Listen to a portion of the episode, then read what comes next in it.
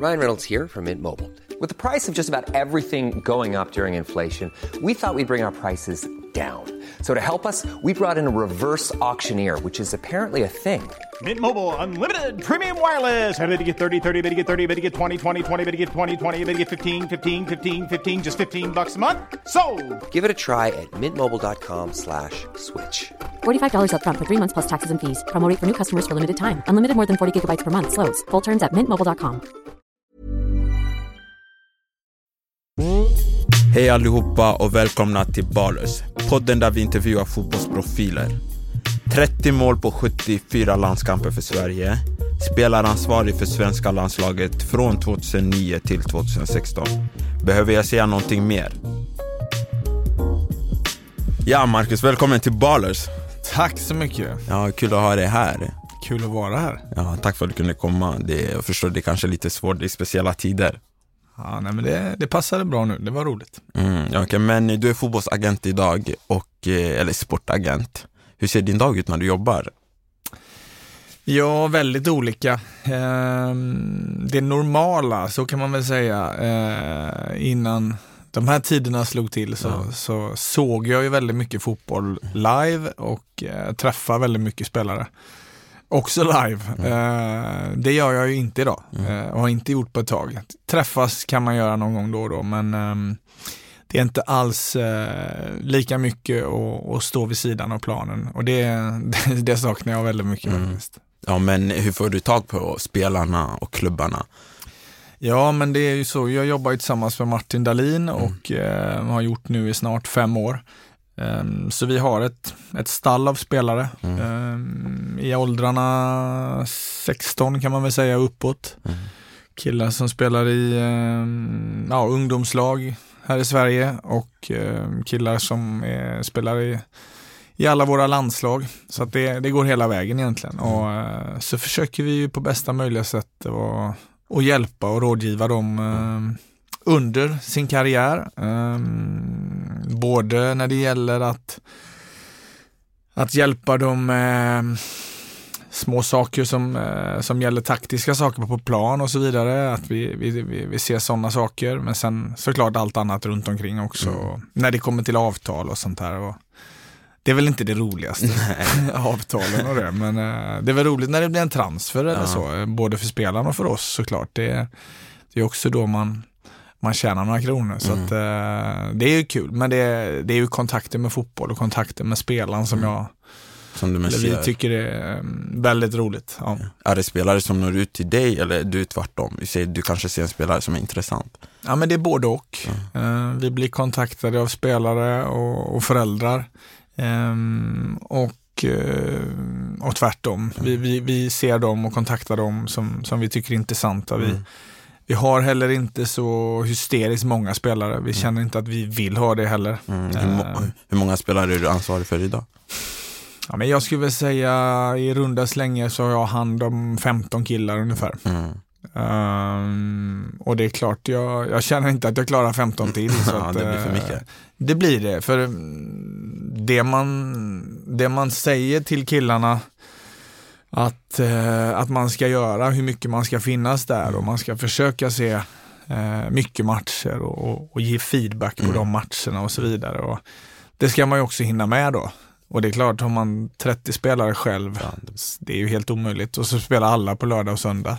Så att det, men det är klart att eh, ibland blir det också att man ser en match i efterhand, dagen efter och man snackar med den spelaren efter och sådär. Men, eh, nej, men några spelare till skulle jag klara. Eh, sen är det klart, mm, det är olika mycket arbete på vilken nivå de ligger. Mm. Så en kille som spelar eh, U17 i, eller U19 i, i, i Djurgården, eh, där kanske det är mycket man får jobba med när det gäller att, att ge tips och idéer och ja, taktiska saker. och oftast eh, brukar man väl skälla lite på dem för, för att de ska fatta att det krävs mer. Ja. Eh, Det är ju så. Det är många spelare, nästan de flesta, de vet att eh, de säger att ja men det, jag fattar att det krävs eh, otroligt mycket.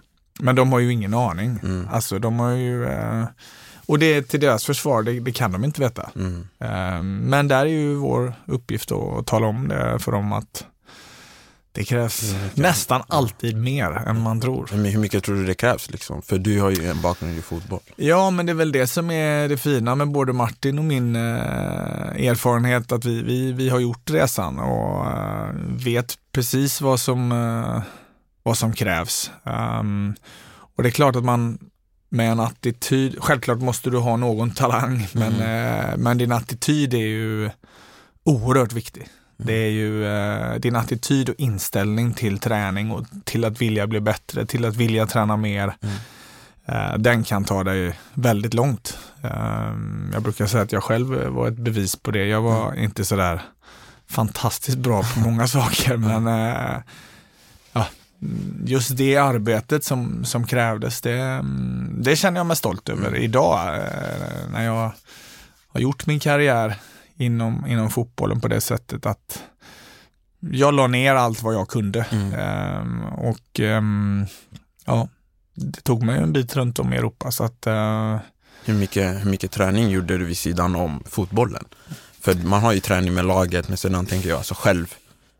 Ja, men oftast var det ju eftersom man tränar så mycket eh, hela tiden så var det ju ofta i anslutning till träningar. Att man, man, jag förberedde mig väldigt noga eh, inför alla träningar.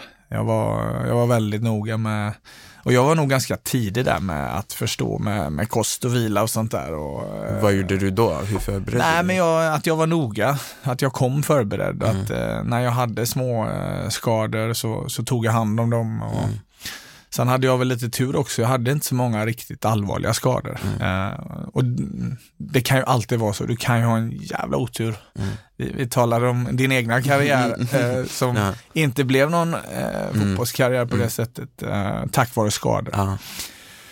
Och ehm, så att det kan man självklart ha otur, men mycket kan man förbereda genom att man just tar hand om sig. Men- på det sättet att man, eh, att man sover och vilar ordentligt, man käkar framförallt ordentligt. Det, det, det säger de ju bevisat att det har att göra med skador och att äter du eh, Äter du dåligt så är, så är det lättare att du får eh, fiberskador. Ehm, och det är klart, då är det ju fan din plikt att se till att käka rätt och, och allt det där. Så att, ehm, nej men sen är det ju extra träningen som, som jag la ner, den, den var ju i samband med träning. Jag gjorde någonting extra innan eller efter. Eller, ehm, så det var inte så ofta kanske man åkte till träningsanläggningen när det inte var ehm, vanlig träning så att säga. Eftersom man tränar nästan varje dag. Det var ju annorlunda när man var 15. Då körde man mycket extra och kunde gå ner på en plan nära sig och, och köra och sådär. Men när det började bli ens yrke så, så fanns det inte så mycket tid till det. Utan då, då var det i samband med träning, men man fick lägga ner lite extra tid och slipa på, eh, ja, jag slipade mycket på avslut och touchen på bollen och ja, på det sättet är det.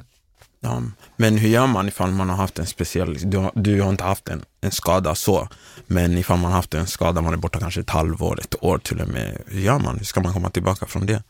Nej, men jag skulle säga det är samma sak eh, där då när det gäller att jag sa ju det till dig förut när du berättade om din knäskada en gång i tiden när du var 17-18 som du sa. Hade du då haft en, en rådgivare som hade kunnat hjälpa dig med att berätta för dig hur viktigt det var med den rehaben så vet man aldrig. Ja. Kanske inte hade suttit där. då, hade du, då hade jag varit agent för dig nu istället. ja, det stämmer nog. Så att, eh, nej men självklart är det inte bara det, men, Mm. men, men du berättar ju att du förstod inte riktigt hur viktigt det var med din rehab. Mm, mm. Och det gjorde också att din skada kom tillbaks. Ja, precis. Ehm, och det tror jag är väldigt vanligt, en sån enkel sak. Mm. Som att om man då inte får den hjälpen som man måste ha.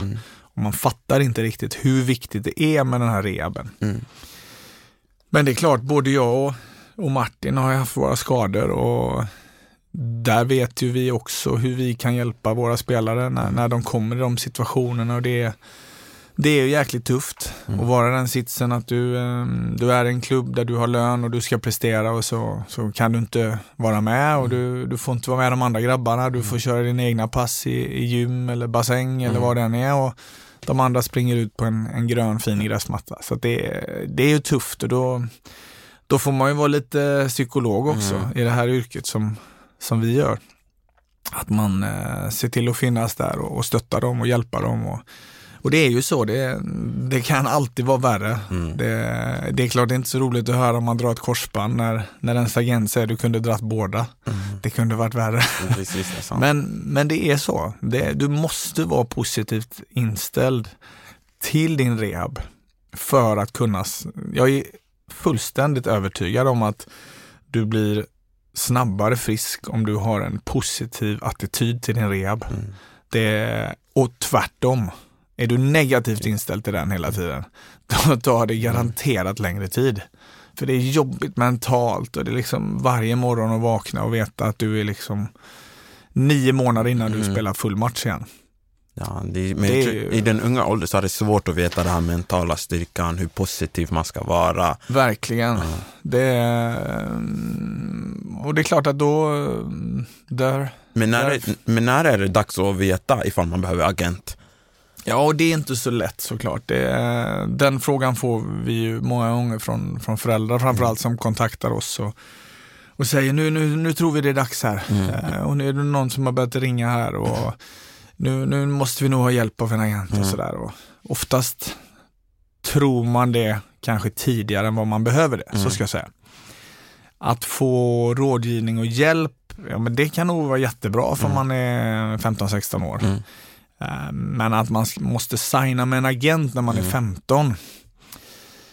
Jag talar nästan lite mot mig själv nu, men, men eh, jag tycker att det, det, det har varit en hets det sista eh, på att man ska eh, signa upp eh, spelare eh, för tidigt egentligen. Jag menar det men, men ja, det, det är från fall till fall såklart. Och det, det,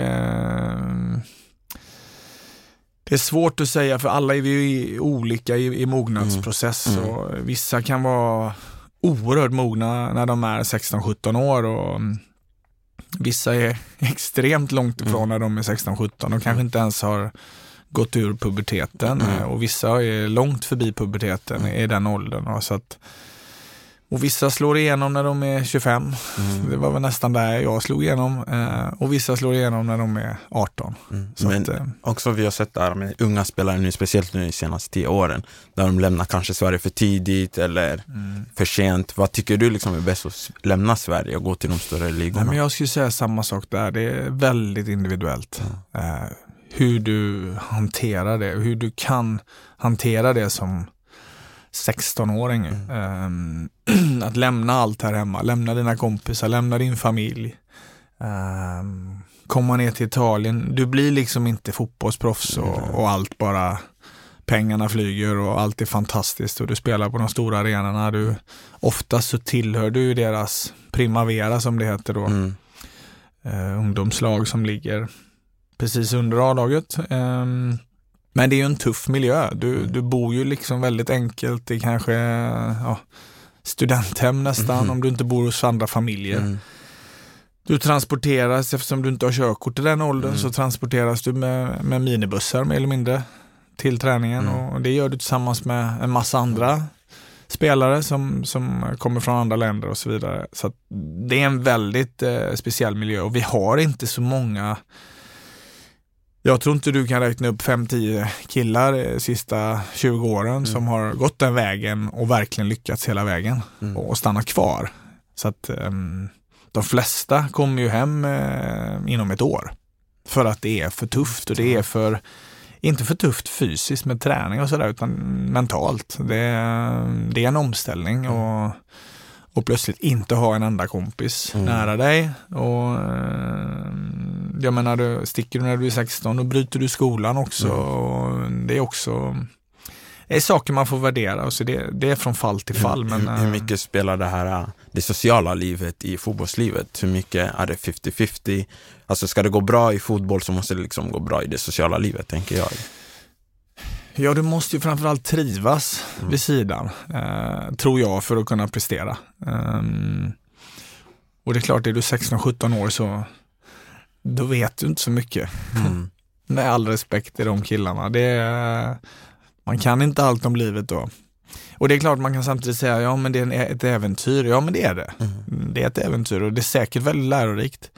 Um, men om det är den bästa vägen att gå, det, det är jag inte så säker på. Vad tycker du är bästa vägen att gå?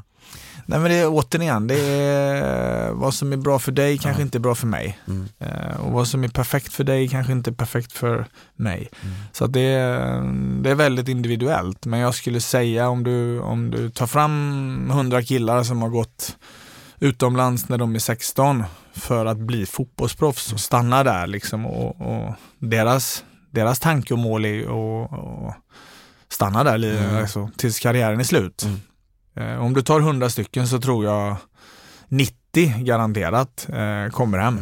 Eh, inom något år. Ja, det är stor siffra. Ja, och, och, då är det många som säger, ja men fan det var ändå väldigt lärorikt mm. och jag blev nog bättre på det. Ja, mm. men då, då är det väl bra. Men samtidigt är det är ett år som är ett viktigt år i ditt mm. liv, socialt också. Så att eh, det är inte för alla. Mm. Det är inte för alla. Men varför blev du just agent? För jag tänker efter din erfarenhet med Erik Hamrén, med landslaget, kanske du skulle gå in i tränaryrket? Ja, men jag kände, jag, jag tyckte det var väldigt spännande såklart. Och det, mm. var, det var ju fantastiskt att få gå från spelare och gå, och, gå till ledarsidan mm. till vårt bästa lag i mm. hela landet mm. direkt. Mm. Jag, jag började inte på en lägre nivå och jobbade mm. mig uppåt utan jag fick börja med de bästa direkt. Och det är klart att det var det var oerhört kul och, och lärorikt. Um, jag kände väl under den tiden också, jag tog ju till exempel ja, tre fjärdedelar av uh, den tränarutbildningen man kan ta, mm. tog jag första året och uh, det var intressant, det, var, det, det tyckte jag. Uh, sen, sen blev det ju, min roll var ju inte tränare, mm. det var ju solklart att Erik var tränaren. Mm. och det var hans idéer och det var hans taktik. Nu eh, var jag ju hans högra hand mm. eh, och supportade honom i, i allting och eh, ja, kunde väl hjälpa honom med lite allt möjligt men, men det som var egentligen viktigast och som Erik kände som viktigast i den rollen att han tog in mig, det var ju att, att jag har varit på den nivån mm. Eh, och det har inte han. Han mm. har aldrig upplevt det som mm. spelare. Um, och han, um, ja, han, han, ville ha den uh, erfarenheten i sin stab. Mm. Um, och han hade haft det så i uh, två klubbar tidigare. Där han hade en ex-spelare som sin närmaste. Mm. Och han tyckte att det funkade väldigt bra. Han visste exakt vad, eller den spelaren som då var jag, uh, visste precis hur, hur killarna ville ha det och de mm. inte, hur de inte ville ha det och så vidare. Så att um, på den vägen var det. Men sen, jag kände väl att jag brann inte för tränaryrket mm. som sådant. Mm. Jag brann inte för allt det taktiska. Jag, alltså det, det är som i vilket arbete som helst. Så brinner du inte för det så blir det, det inte bra. Inte, ja. det, och så har jag alltid tyckt att det här eh, har känts som ett intressant yrke och jag känt Martin då i många år mm. och visste att han var Sveriges bästa inom det här yrket. Mm. Um, och när jag då um, när vi tog ett möte och diskuterade detta så, uh, så tyckte han att det var klockrent och han, uh, han hade fått den frågan några gånger innan mm. som han sa då om, om, om sådana som ville samarbeta med honom. Men han, han tyckte att han var unik på det sättet att han hade gjort resan mm. och inte bara gjort eh, två B-landskamper och, mm. och varit eh, proffs något år, mm. utan han har ju gjort ja, liksom de största ligorna, ja. spelat VM, spelat ja. EM. Ja, och det, vi, vi har väldigt lika karriärer på det mm. sättet. Så då tyckte han att det, det kändes klockrent. Mm, på tal om lika karriär så har han gjort 29 landslagsmål. Jag är, och du fullt, 30... medveten, fullt medveten om det här. ja, jag kollade ut och jag tänkte, ja, jaså, ja det är ändå sjukt. Hur ofta tror du jag påminner honom om det? Jävligt ofta. men, men, han, har en, eh, han har en bra comeback på det, för då säger han um, uh, Jo, men jag gjorde det på väldigt mycket färre landskamper, så jag har bättre snitt än han då. Och det har han ju tyvärr, så den uh, men det är ändå skönt. Ja. Jag gjorde 30, han gjorde 29. Ja, det, jag förstår, du har den där. Nej, men vad var dina exakta uppgifter som spelaransvarig? Vad gjorde du för landslaget eller spelarna? så? Nej, men jag var som en assisterande, normalt sett brukar fungera och, och det är klart att vi snackar mycket taktik också, Erik och jag, men, men det var hans eh, det var hans ord som gällde Mm, eh, och det var hans vision och sätt att vilja spela. Jag menar, Han hade ju varit tränare i 30 år när han tog landslaget. Så han hade ju otro- så på det sättet lärde jag mig mycket. Och det är någonting som jag känner idag att eh, de killarna som, som, som jag hjälper, som vi hjälper idag, när vi snackar taktiska saker, så är jag mycket mer skicklig, tror jag i alla fall, jag känner det, idag än vad jag var innan jag hade det jobbet. När det gäller, och då menar jag framförallt, kanske inte när det gäller forwardsrollen, för det spelade jag ju själv. Men hur en mittback eller ytterback, hans eh, defensiva positioner vid olika situationer, eller hans offensiva positioner vid olika situationer, vad som är viktigt och vad som är som jag också fick i min tränarutbildning, eh, visioner och idéer och sånt där. Eh, det känner jag är, är, är nyttigt för mig idag. Så när jag sitter och, och hjälper en, en mittback med hans roller på plan och ja, men kommer du ihåg den här situationen när inlägget kom, då var du alldeles för långt framför första stolpen som första mittback och så vidare. Och det, det har jag lärt mig eh, mer av efter de sex, ja, dryga sex åren med landslaget. Men till det här till taktiska inför EM 2012 tror jag. Eh, Jag tyckte, jag tyckte Sverige spelade bra fotboll men ni fick inte resultaten mer för jag tror ni kom sist i gruppen. Eller vi kom sist i gruppen. Eh, hur tänkte ni då inför EM? Alltså, tänkte ni spela bra fotboll eller tänkte ni på resultat? Men det är en blandning såklart, men, men, eh, nej, men mest viktigt är resultatet.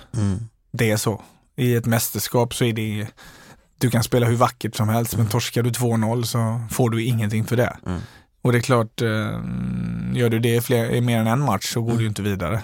Så, så enkelt är det. Så att i ett mästerskap, och där kommer också en, eh, jag menar jag eh, hade turen och fick uppleva fem mästerskap som, som spelare, tre, tre EM och två VM.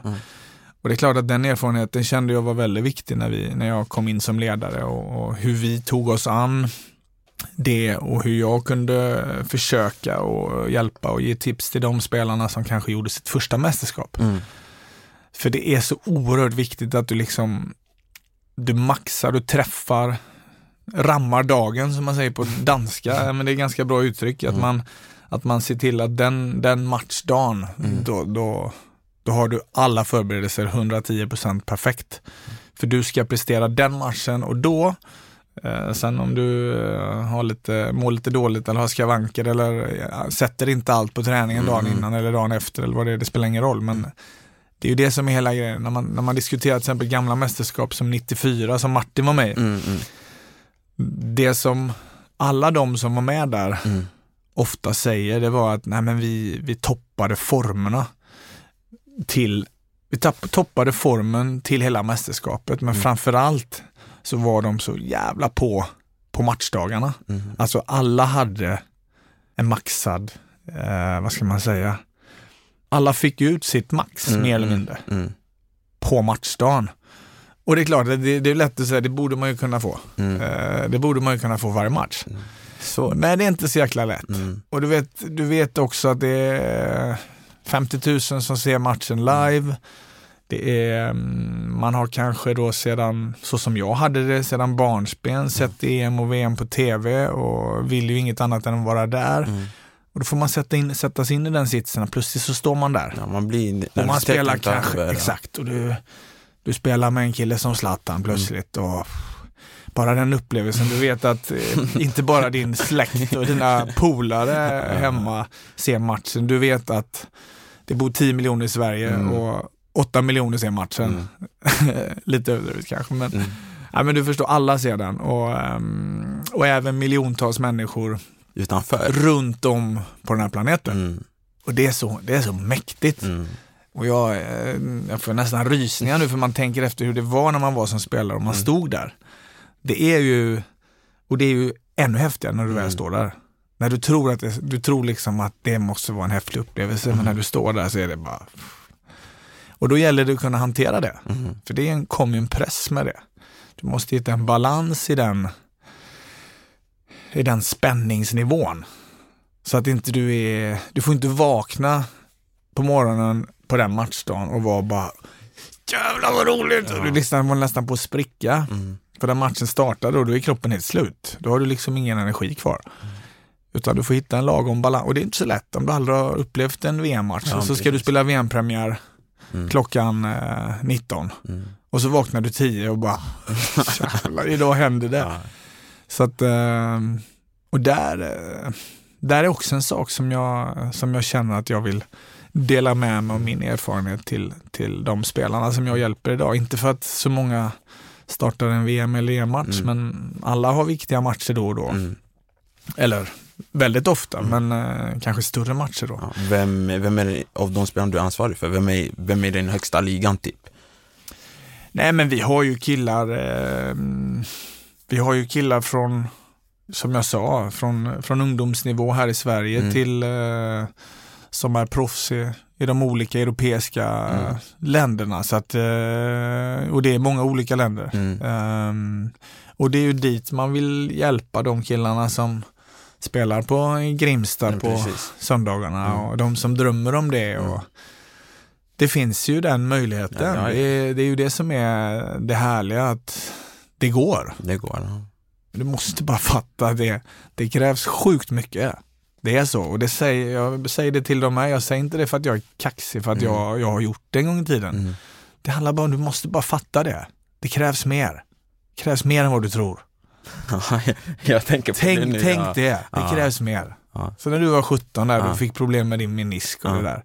Ja men det är klart du ville inget annat. Du såg det framför dig att du sprang in på de stora arenorna. Men möjligheten fanns ju.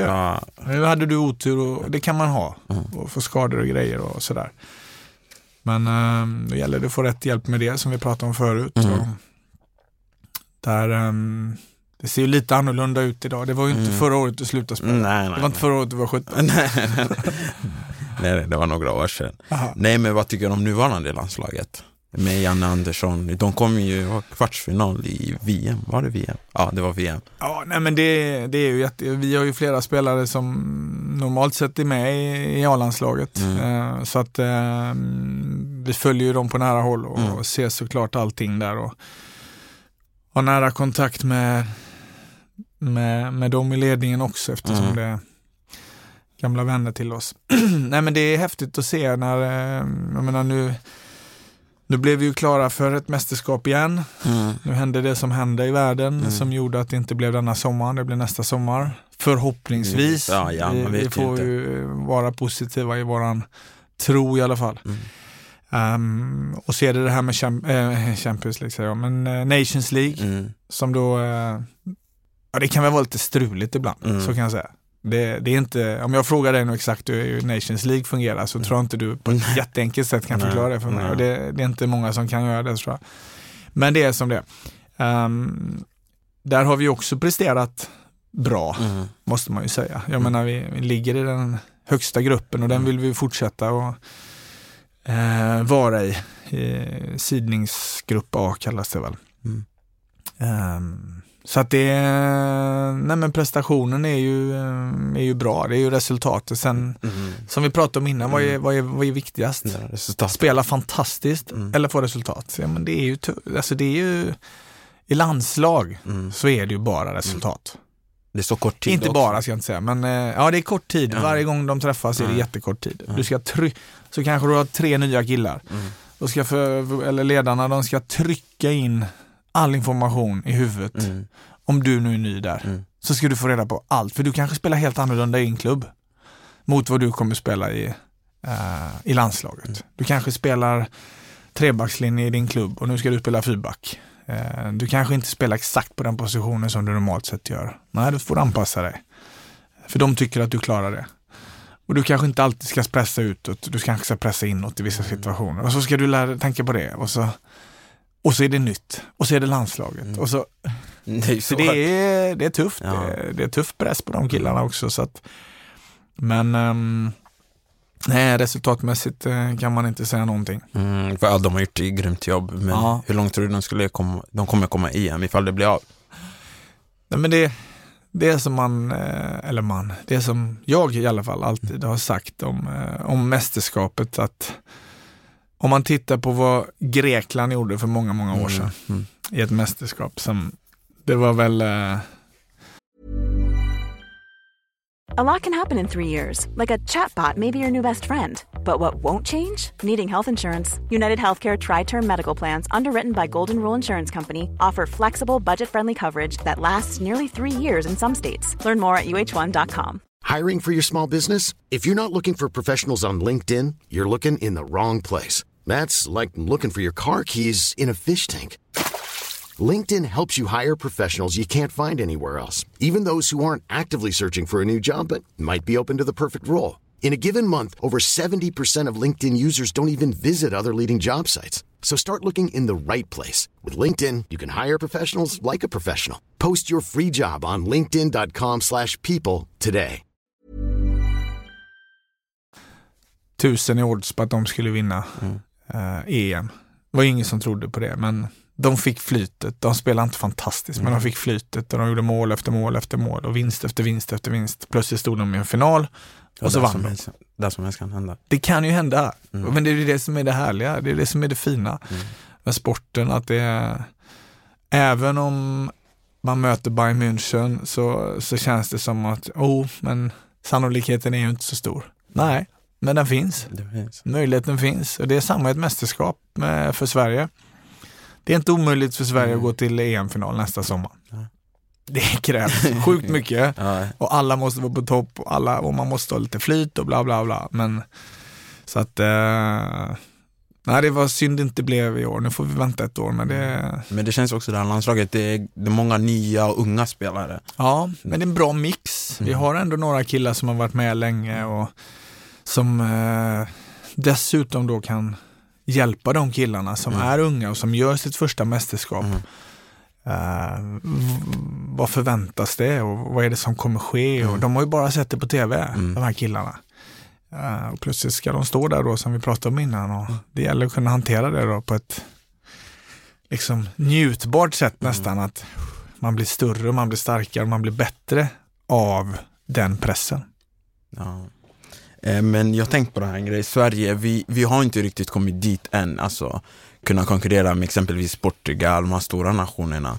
Men ändå om man kollar, om man kollar exempelvis Portugal, de har ju 10 miljoner invånare och vi har också 10 miljoner men ändå fotbollsmässigt, deras liga, deras landslag, det går inte att jämföra. Eh, vad ska Sverige göra liksom för att komma dit och vad gör Svenska förbundet för att eh, svenska landslaget ska komma dit och allsvenskan såklart. Ja, men jag tror inte du kan lägga det i händerna på, på svenska landslaget. Att, vad gör vi för att komma dit? Ja, men det man kan diskutera då, det är ju sättet som man eh, vill lära ut att fotboll, hur fotboll ska spelas. Men du har ändå, där har du en ram och en tanke och du har en tränarutbildning. Ja, men sen har du ändå en individ som får jobbet han har ju sina tankar, han har ju sina idéer, han, han går ju inte helt stöpt ur det där. Ehm, så det är ju en sak, men sen handlar det ju om också eh, tillgång till spelare. Tillgång till spelare som presterar bra. Tillgång till ehm, spelare som spelar i stora lag. Du ska ha en bra mix av de äldre och de yngre. Eh, De som fortfarande är, är, är gamla men fortfarande hungriga på mer de som är mitt emellan, som är runt 25-årsåldern kanske, eh, om man nu ska generalisera vad som är normalt. Och så har vi de yngre killarna som kanske är runt 20, som då är upcoming och förhoppningsvis redan har tagit några steg och kanske kommit utomlands och spelat. Kulusevski är ett jättebra exempel. Eh, det är ju helt sjukt att vi har en så ung kille som spelar ett av världens största lag och presterar dessutom. Han är ju oerhört spännande. Eh, och det gäller att få upp eh, Fler. Ja, fler. Och, och det är klart att det, det kan inte Svenska fotbollsförbundet sitta och, nej men nu bestämmer vi att mm, nu ska han slå. Jag menar det, det startar ju med att killarna måste få en utbildning här hemma. Sen när de kommer utomlands, om de är 17 eller 19 eller 22, det, det är ju olika. Och så ska de ta s- rätt steg vid rätt tillfälle. Fortsätta utvecklas rätt, komma i rätt miljö, få speltid. Det är så många duktiga spelare idag som kommer lite snett av olika anledningar. Eh, eller kommer på kant med sin tränare och man får inte spela så mycket. Då, då stannar man ju. Mm. Och när man då är 21 år och inte får spela, det är ju katastrof. Mm. Det är ju så otroligt viktigt att få speltid för att fortsätta utveckla sig. Så att, äh, det är många parametrar, så jag har inget enkelt svar på den frågan. Men mm. det, äh, jag menar, jag tycker ju att vi, vi är på god väg och, och det är klart, sen allt blir bättre mm. hela tiden. Den fysiska nivån, eh, förberedelse mm. pratade vi om innan och kosten och det taktiska. Ja, taktiska och dessutom så tror jag att unga killar idag, 17-åringar idag, mm. vet mycket mer vad som gäller än till exempel vad du visste ja. när du var 17. Mm. Och du skulle slå igenom i Märsta. Mm. Eh, eller när jag skulle slå igenom eh, när jag var 17 mm. i, i ÖIS. Mm. Då visste man att ja, men käka pasta är bra. det var väl ja. ungefär vad du visste också. Ja. Nej men det är ju så mycket mer menar jag. Så att, det utvecklas med tiden också. Ja det gör det ju hela mm. tiden. Och kvaliteten på trän träningarna blir mm. bättre. Kvaliteten på tränarna blir bättre. Och då blir kvaliteten på spelarna bättre. Uh, så att uh, ja, det utvecklas hela tiden. Så det är det är med eh, stort eh, positivt hopp man ser på mm. svensk fotboll tycker jag. Ja. ja. Eh, nu till din egna karriär, när du, när du spelade i landslaget, eh, hur kommer du ihåg den tiden? Eh, nej men jag kommer ihåg den som det, som det bästa skulle jag nästan säga. Mm. Inte bara att jag presterade bäst men, men eh, jag hade också tur att komma in i landslaget en tid som landslaget var bra. Och en tid som landslaget presterade. Mm. En tid där vi hela tiden tog oss till mästerskap. Och det är ju en otroligt viktig faktor. Mm. Vi tog oss till fem mästerskap i rad. Mm, det är bra. Det är otroligt. Och det, var, det är ungefär så många som man... Det normala är kanske att man, man får vara med i landslag runt tio år. Mm. Om, man, om, man är, om man är på en, en bra nivå och man får uh, vara frisk och sådär. Uh, och under åtta år fick jag vara med om fem mästerskap. Mm. Så på det sättet maxade ju mm. jag min landslagskarriär. Uh, det kunde lika gärna vara att vi gick till ett mästerskap på de åtta åren. Uh, nu gick vi till fem. Mm. Och fick vara med om många häftiga kval och, och mästerskap. Då. Så att, nej men det var alltid så. Det, landslaget för mig, jag, jag har ju aldrig jag har ju tagit en liten annan väg. Jag, jag fick aldrig spela några ungdomslandskamper. Mm. Så jag har, jag har bara A-landskamper på mitt CV. Mm. Men det är klart, det är inte fel idag. Mm. jag. jag tar ju hellre det än att ha spelat massa P17. Mm. Uh, sen, kom inte, och sen inte har kommit till A-landslaget. Nej, och det är väldigt många som gör det. är väldigt många som spelar P15, P16, och 17 och 19 och 20, 21. Men som inte gör A. Mm. Uh, så det är klart att jag alla dagar i veckan tar det. Um, men um, för mig, landslaget när jag växte upp, jag kommer ihåg att titta alltid på landskamperna, titta alltid på såklart på mästerskap och sådär men det var uh, en stor, stor, stor dröm såklart. Mm. Och när man då varje gång blev kallad till landskamp så var det liksom, man åkte hem med mm. Högt huvud och bröstet ut och mm. ska representera mitt land liksom. Och, Även om det bara var träningsmatcher och även om det var träningar, man tog på sig de här kläderna man tyckte de satt mm. som, de satt helt perfekt varje gång. Strumporna var liksom mjuka och sköna, det var mm. ingen skillnad på dem mm. såklart. Men det var bara allt, var, var allt var klockrent. Och, det, mm, och så, ja, jag hade flyt också, det, det gick bra när jag fick spela mm. och fick ju göra lite mål som jag, ja, man bedöms på. Mm. Um, både i kval och i, träningsmatcher och mästerskap och sådär. Så att, um, nej, det var fantastiskt. Och när jag summerar min karriär så det är höjdpunkten. Mm. Det är mästerskapen framför allt mm. um, med landslaget. Mm. Men nu inte i Zlatan, hur var det för dig? För du spelade i landslaget inför, innan Zlatan. Han kom mm. in, tar din plats. Sen får du också spela. sen får du också spela, men sen så får du se han bli världsstjärnan som Zlatan är idag. Mm. Sen blir du spelare ansvarig för Zlatan. Hur, mm. var, hur var den upplevelsen att se Zlatan? Nej, det var häftigt såklart. Eh, det var inte så häftigt att han tog nummer 10 och mm. satte mig på bänken, men eh, det fick jag ju ta. Det, jag såg ju också vad, vad alla andra såg och, mm. och det är klart han gick från storlag till storlag till storlag eh, under den här perioden. Och det är, så det, det är ju häftigt, alltså det är ju vår största spelare någonsin. Jag, de äldre som lyssnar på det här programmet, eh, finns väl några som hävdar att det fanns några förr i tiden som var fantastiskt stora, men om man ser till prestationer och så, eh, så tror jag det är svårt att argumentera om att han är vår största någonsin. Eh, Och det är klart att få vara så nära honom eh, och se när han kom upp och, och sen följa honom, både som du säger som spelare och ledare. Det, det, var, det var häftigt. Det var, jag minns, jag, jag sa ofta till honom när han var mitt i det att, att han inte skulle glömma att njuta av det. Jag var ju då äldre eh, och jag tänkte mer och mer på det. Eh, och han var ju ung och ville ville liksom bara till nästa match. Eh, men ja, ja, ja, jag ska njuta, sa han då.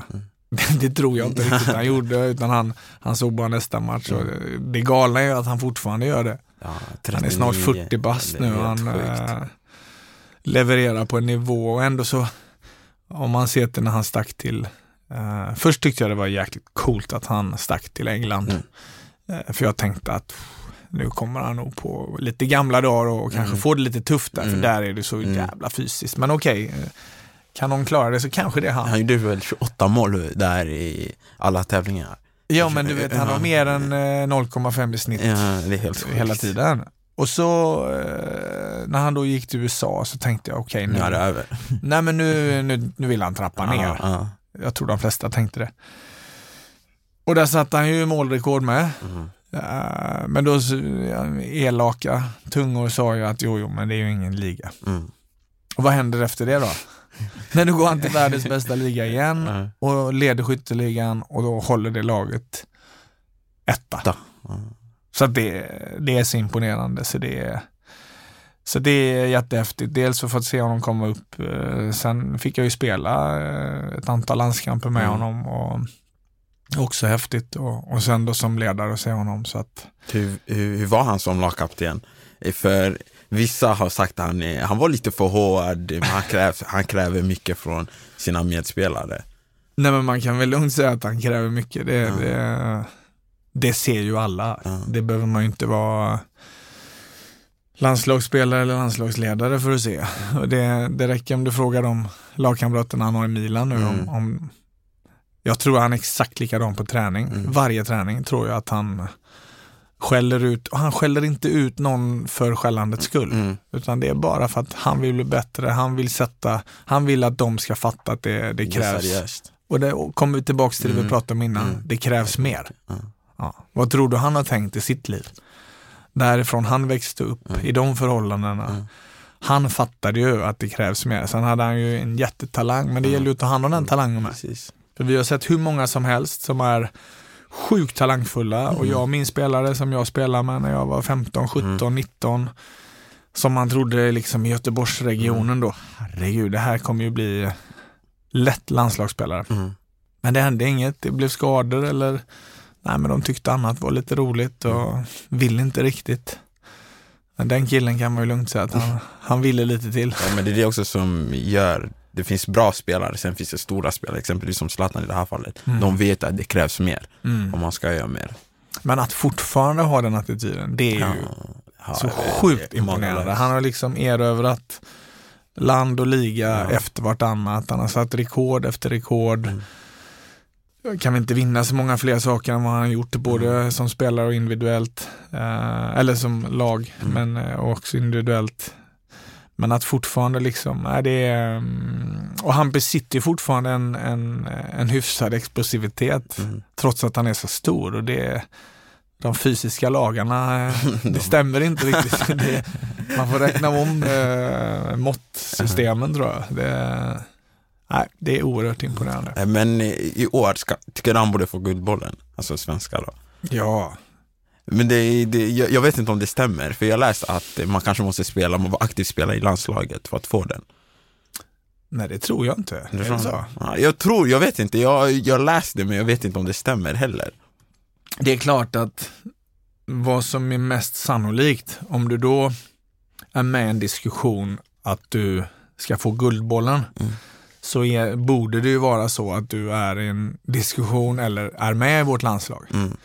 Men nu är det ju lite exceptionellt eftersom han har tackat nej efter att ha satt alla rekord som finns i landslaget.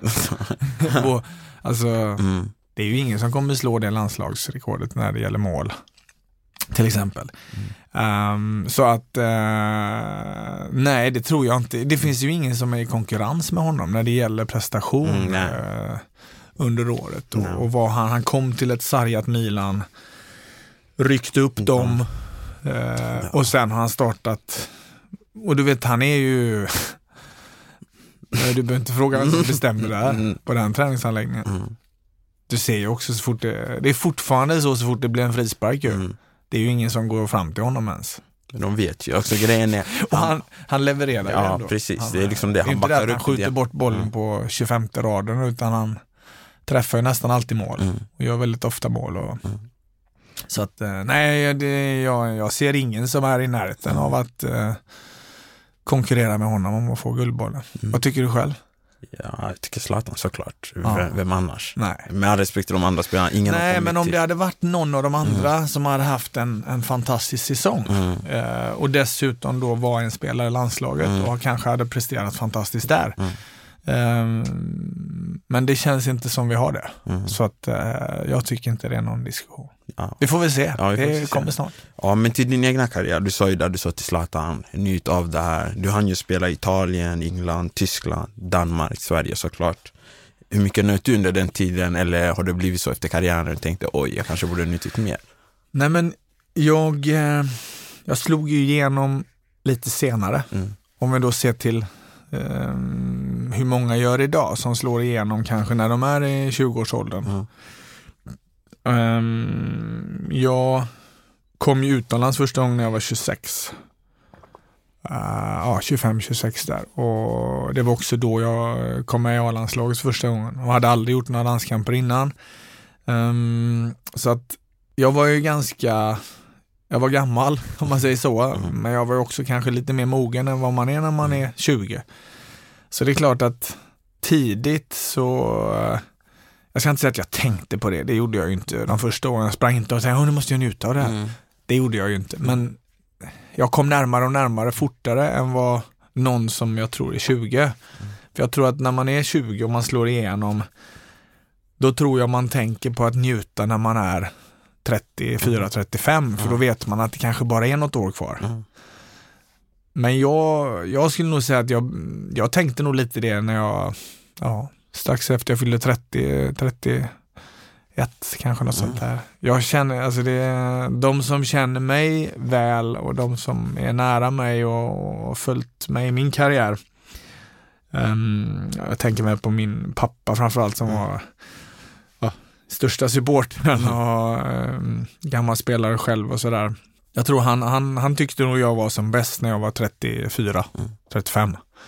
Eh, och han påminde mig ofta då om att fasen, jag måste njuta av det här nu liksom. Och tänk, tänk och enjoy the moment, eh, alltså eh, när det var stora matcher eller på gamla dagar fick jag spela Champions League med FC Köpenhamn till exempel. Avgjorde Eh, mot Manchester United. ja, tack. Eh, nej men då, det var ju häftig, en häftig upplevelse som jag kanske inte trodde att jag skulle få uppleva. Mm.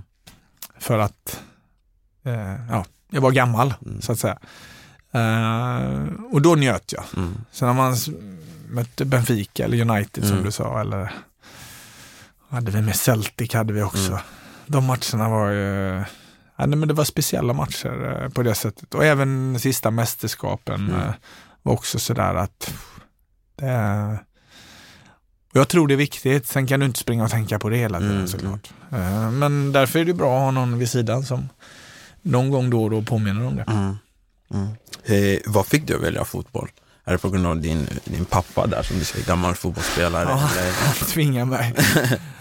Nej, men det intresset börjar ju väldigt tidigt. Jag, ehm, min pappa var spelare och ehm, i ÖIS då. Mm. Och ehm, min pappas bror var spelare i ÖIS och min farfar var ledare i ÖIS. Och jag kom in i ÖIS Just. väldigt tidigt, eh, jag var fem år. Eh, och det var alltid nummer ett. Sen höll jag på med väldigt många sporter eh, upp till jag var 15. Jag höll på med hockey eh, tills jag var 15 och, och, men bestämde mig då för fotbollen för den, den var alltid nummer ett. Eh, även om hockeyn var nära. Jag gillade den. Ehm, och sen så, nej jag, det var min inställning som, eh, ja, vad ska man säga, som gjorde att jag orkade fortsätta. För de här åren som vi nu pratar om, när jag var mellan 20 och 25 och ja, jag slog liksom inte igenom riktigt. Eh, och jag har sagt tidigare att jag, jag var väl egentligen den enda som, kanske farsan också, som trodde att jag skulle lyckas. Mm. Tvivlade du aldrig under karriären? Nej, konstigt nog gjorde jag inte det. Alltså jag sprang inte och tänkte, oh shit, tänk om inte jag får eh, nytt kontrakt eller tänk om inte jag får, eh, kommer utomlands nu eller. Nej men jag var så, eh, låter ju löjligt att säga, jag var så bestämd för det är väl alla som, även de som inte lyckas. Mm. Återigen där, gäller att ha lite flyt, att en klubb ser, det, ser dig vid rätt tillfälle och så vidare men sen måste man ju fortsätta leverera såklart men Nej men jag var så övertygad, det var det, det var det här jag skulle göra och eh, det var nog mycket av det som vi talade om i, i början på programmet, att jag ville mer. Mm. Eh, och jag tror att det var den attityden, eftersom jag inte var sådär galet snabb eller uh, sköt fantastiskt eller dribbla fantastiskt eller som, så kände jag att nej men, jag gnuggar på. Ja. Det uttrycket gillar jag, gnugga på. gnugga. Och det, det säger jag till många av mina spelare. Eh, när de liksom tycker att det är tufft eller de inte får spela eller sådär. Det är bara knip igen och gnugga på. Det orka gnugga på. Tycker jag är ett bra uttryck. Och det gjorde jag. Jag orkade gnugga på och sen så, ja, så blev det en, eh, en lång karriär. Eh, Men du la av 2009, 8 Mm. mm, officiellt då. Mm, stämmer nog. 2009 precis, det var då uh, Hamrén ringde mig och han precis blev förbundskapten. Mm. Eh, när du tänker tillbaka karriären, är det någonting du skulle vilja ändra eller blev det som du ville bli? Men jag tänker inte så att, eh, tänk om jag har gjort så eller, så jag, jag tänker inte tillbaks utan jag är nöjd som, som det blev, stolt över det jag, jag presterade. Ehm,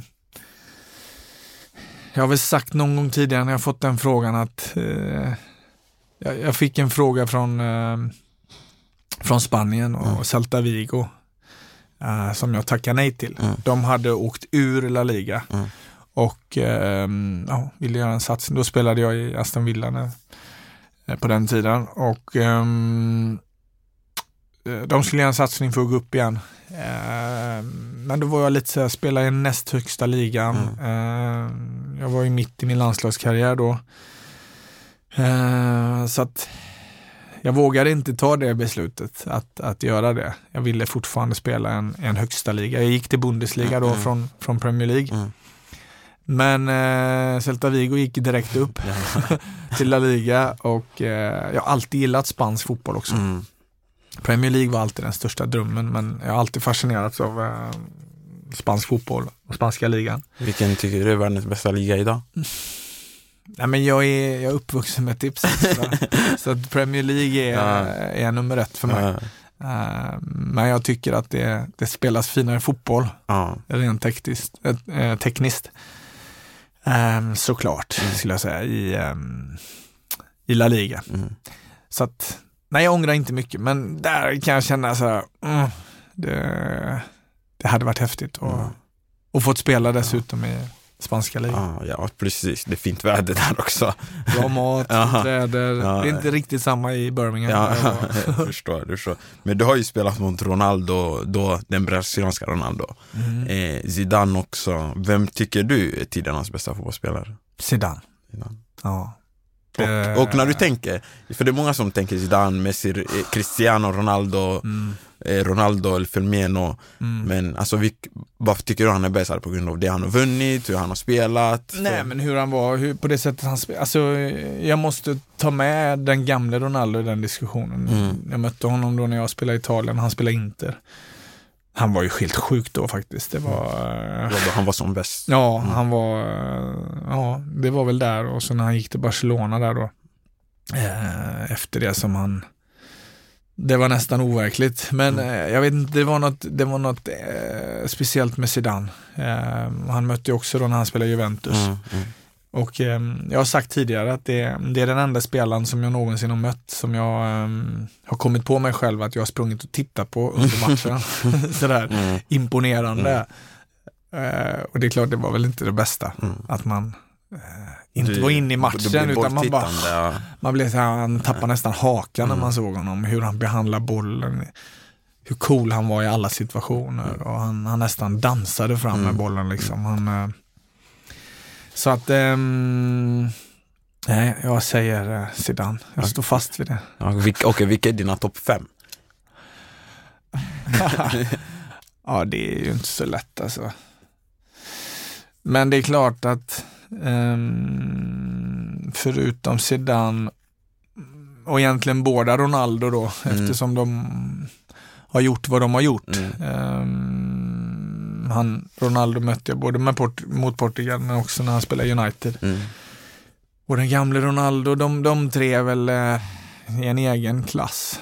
Sen, eh, sen har jag svårt att välja ut några till för det, då glömmer man några för man det var många eh, Du, har- Häftiga du, du, har spelare, mött så. många, du har mött många bra spelare. Alltså.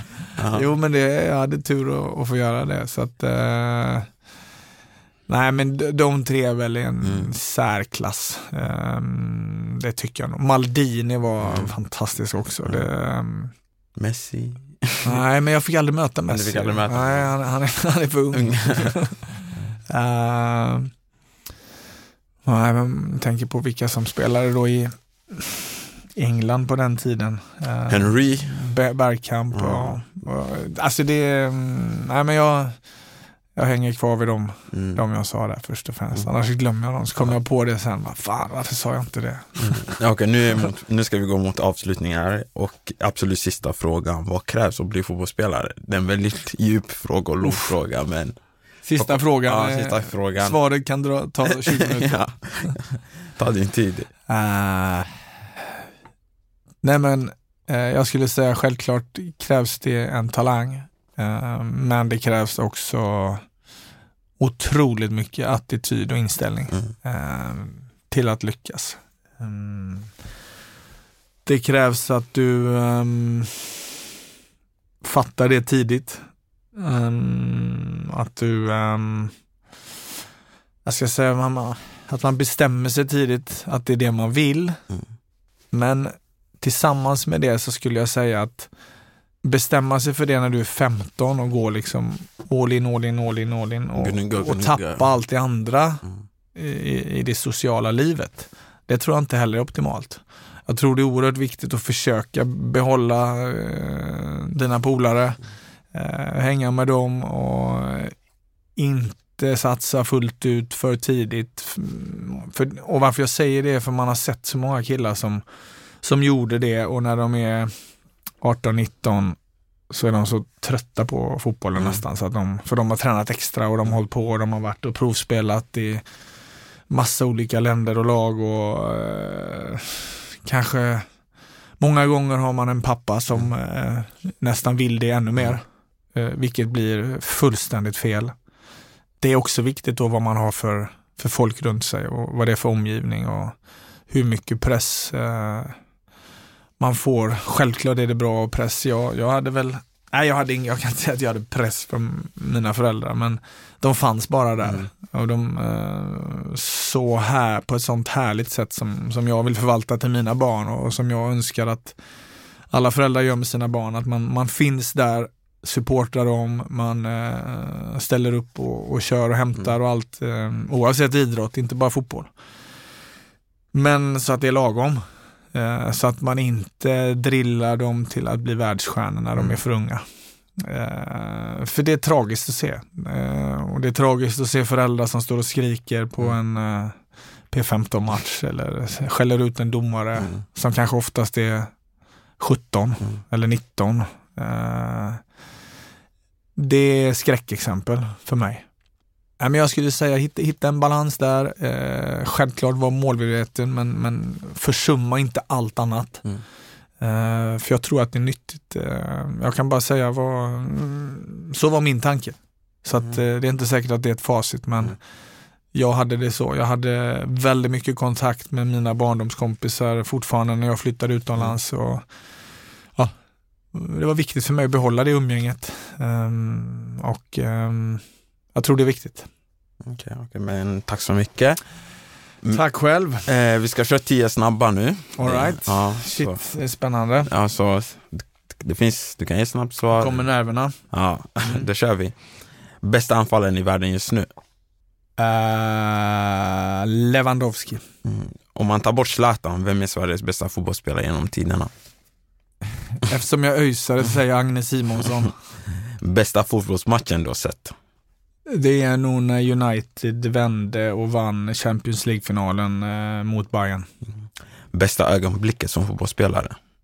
Uh, VM-premiären mot England 2002. Uh, står och sjunger nationalsången. Fint, fint. Tidernas bästa lag? Uh. Det som poppar upp direkt är ÖIS. Men det kanske är många som, eh, som inte riktigt håller med om att de var bäst, eller är. Um, ja, det svaret på den frågan ska ju egentligen vara de som har vunnit mest klubbmästerskap eller Champions League mm. eller Uefa-cuper. Jag vet inte vilka, men eh, Bayern ligger väl där uppe. Mm. De, de största lagen ligger där uppe. Mm. Om någon skrev en bok om det, vad skulle boken heta? ja du, vad skulle den heta? Snabba svar sa du. Du får tänka också. Vad heter sådana? Eh, min story. ja, min, ja, det, det var bra. Eh, vad är lycka för dig? Ja, men lycka för mig är när, um, att såklart att min familj är friska um, och mår bra. Mm. Och att jag själv får vara frisk och må bra, mm. det, det är lycka. Mm. Hur ärlig är du, 1 till 10? Ärlig? Ja. Uh, mamma brukar säga att uh, när någon säger, ah, om jag ska vara ärlig, som man uttrycker sig, då säger alltid min mamma, det ska man alltid vara. uh, men det är klart att jag um, kanske någon vit lögn för att inte såra någon. Mm. Uh, då är jag kanske inte helt ärlig alltid, men annars försöker jag vara väldigt ärlig. Mm. Vad gör dig rädd? Ja, att något ska hända min familj. Sjukdomar eller annat mm. hemskt. Bästa rådet du har fått? Njut av stunden. Det är fint. Ja, tack så mycket för ett underbart avsnitt Marcus. Tack själv. Det var jättetrevligt. Tack, tack. tack.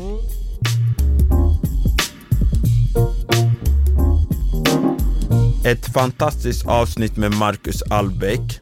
Och stort tack för att ni lyssnar. Ni kan gå in och följa Ballers podcast på Instagram och Facebook där vi kommer uppdatera med kommande gäster. Och ifall man har en speciell fråga kan man kontakta oss där.